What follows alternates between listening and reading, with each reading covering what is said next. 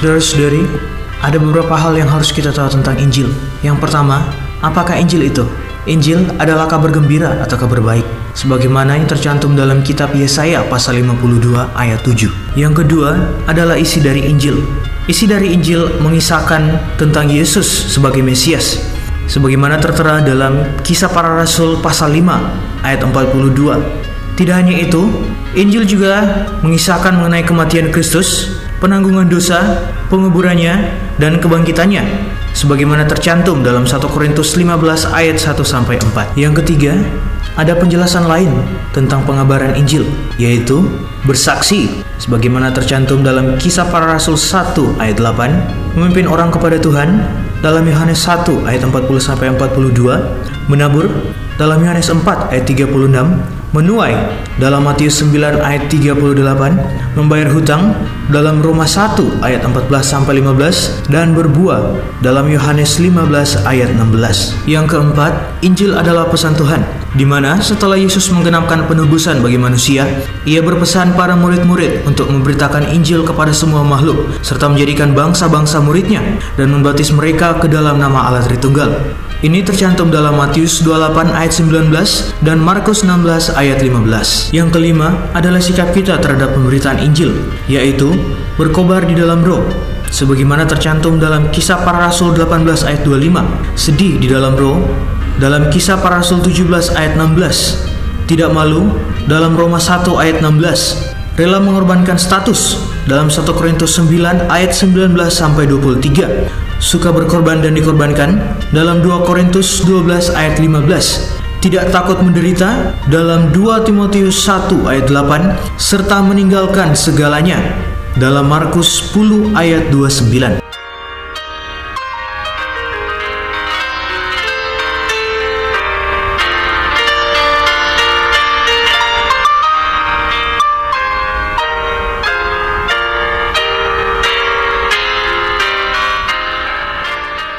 Sebelumnya kita sudah mendengar roh pemberitaan Injil dan hal ini menunjukkan sikap terhadap bagaimana kita menginjil.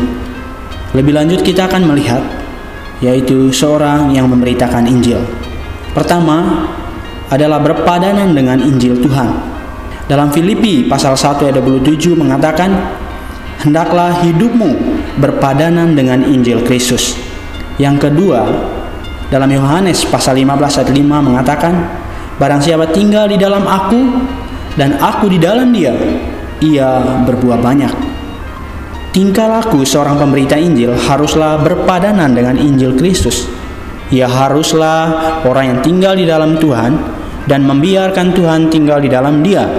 Hidup bersama Tuhan tanpa sekatan. Kuasa memberitakan Injil.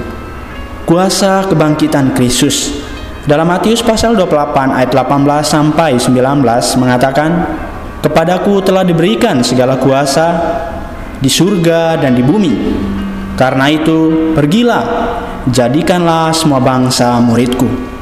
Kuasa memberitakan Injil adalah kuasa yang didapatkan Kristus di surga dan di bumi, yang melampaui semua, menguasai semua, dan mengendalikan semua. Kekuatan memberitakan Injil yang pertama adalah kuasa ultima atau paling akhir Roh Kudus. Dalam kisah para rasul pasal 1 ayat 8, tetapi kamu akan menerima kuasa bila mana Roh Kudus turun ke atas kamu dan kamu akan menjadi saksi-saksiku sampai ke ujung bumi.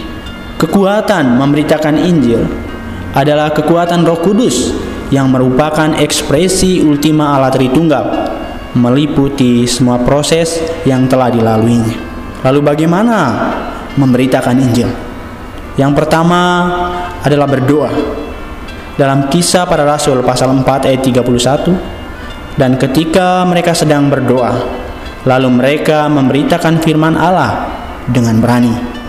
Agar pemberitaan Injil efektif haruslah menjadi orang yang berdoa. Kedua, adalah diluapi oleh Roh Kudus. Dalam kisah para rasul pasal 4 ayat 31, mereka semua diluapi oleh Roh Kudus, lalu mereka memberitakan firman Allah dengan berani. Saudara-saudari, untuk memenuhi doa kita bagi pemberitaan Injil, perlu diluapi oleh Roh Kudus. Yang ketiga, menuruti roh. Untuk dapat memberitakan Injil, mengalirkan hayat Tuhan, menghasilkan buah hayat, harus menuruti roh kudus. Dalam kisah para rasul pasal 8 ayat 29 sampai 30, lalu kata roh kepada Filipus, pergilah ke situ dan dekatilah kereta itu. Filipus bergegas ke situ. Yang keempat selalu siap, baik atau tidak baik waktunya. Untuk memberitakan Injil dengan berhasil, seorang tidak boleh terbatas oleh waktu. Dalam 2 Timotius pasal 4 ayat 2, beritakanlah firman, siap sedialah baik atau tidak baik waktunya. Yang kelima adalah mengasihi manusia, berkorban dan dikorbankan bagi mereka. Dalam 2 Korintus pasal 12 ayat 15 mengatakan, "Karena itu aku suka mengorbankan milikku, bahkan mengorbankan diriku untuk kamu." Jadi, jika aku sangat mengasihi kamu, masakan aku semakin kurang dikasihi? Mengasihi orang, berkorban bagi mereka, merupakan cara yang baik dan bagus untuk memberitakan Injil. Yang keenam adalah memberitakan firman Allah. Memberitakan firman Allah bukan perkataan kita, adalah rahasia besar keberhasilan pemberitaan Injil kita. Yang ketujuh, mengunjungi rumah demi rumah untuk mencari anak-anak damai. Di dalam Lukas pasal 10 ayat 2 sampai 6, tuayan memang banyak, tetapi pekerja sedikit. Karena itu mintalah kepada tuan pemilik tuayan supaya ia mengirimkan pekerja-pekerja untuk tuan itu. Pergilah, kalau kamu memasuki suatu rumah, katakanlah lebih dahulu, damai sejahtera bagi rumah ini Jikalau di situ ada orang yang layak menerima damai sejahtera, maka salammu itu akan tinggal padanya.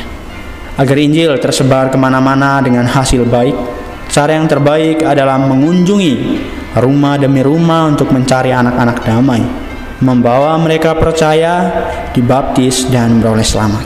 Lalu apa pahala memberitakan Injil? Yang pertama, pasti akan diberi pahala dalam 1 Korintus pasal 9 ayat 16 sampai 17 memberitakan Injil. Andai kata aku melakukannya menurut kehendak sendiri, memang aku berhak menerima upah. Pahala atau upah di sini meliputi mahkota kebenaran yang disebut Rasul Paulus yang juga menulis kata-kata ini dalam 2 Timotius pasal 4 ayat 7 sampai 8. Sulit dipastikan apa saja yang tercakup dalam pahala ini namun tentunya sangat mulia. Kita akan melihat kerugian jika tidak menginjil. Yang pertama, celaka. 1 Korintus pasal 9 ayat 16 mengatakan, Celakalah aku jika aku tidak memberitakan Injil. Kata-kata ini diucapkan oleh Rasul Paulus yang dengan setia memberitakan Injil seumur hidupnya bagi Tuhan. Dia berkata, celakalah aku jika aku tidak memberitakan Injil. Kita tidak tahu celaka apa yang dimaksud, tetapi tentunya sesuatu yang tidak enak dan tidak terhormat. Ini suatu peringatan bagi kita. Yang kedua, dibuang. Dalam Yohanes pasal 15 ayat 2 mengatakan, "Setiap ranting padaku yang tidak berbuah dipotongnya." Ini adalah perkataan Tuhan Yesus sendiri yang memperingatkan kita bahwa Bapa akan memotong setiap ranting yang tidak berbuah sehingga ranting itu akan kehilangan suplai dan berkat yang seharusnya diperoleh sebagai rantingnya dan yang tinggal di dalamnya. Benar-benar peringatan yang serius. Puji Tuhan, saudari, pemberitaan firman sampai di sini saya terus mendorong kita semua menggunakan setiap kesempatan kita dengan baik, memanfaatkan waktu kita untuk kita tetap memberitakan Injil Allah. Tuhan Yesus memberkati.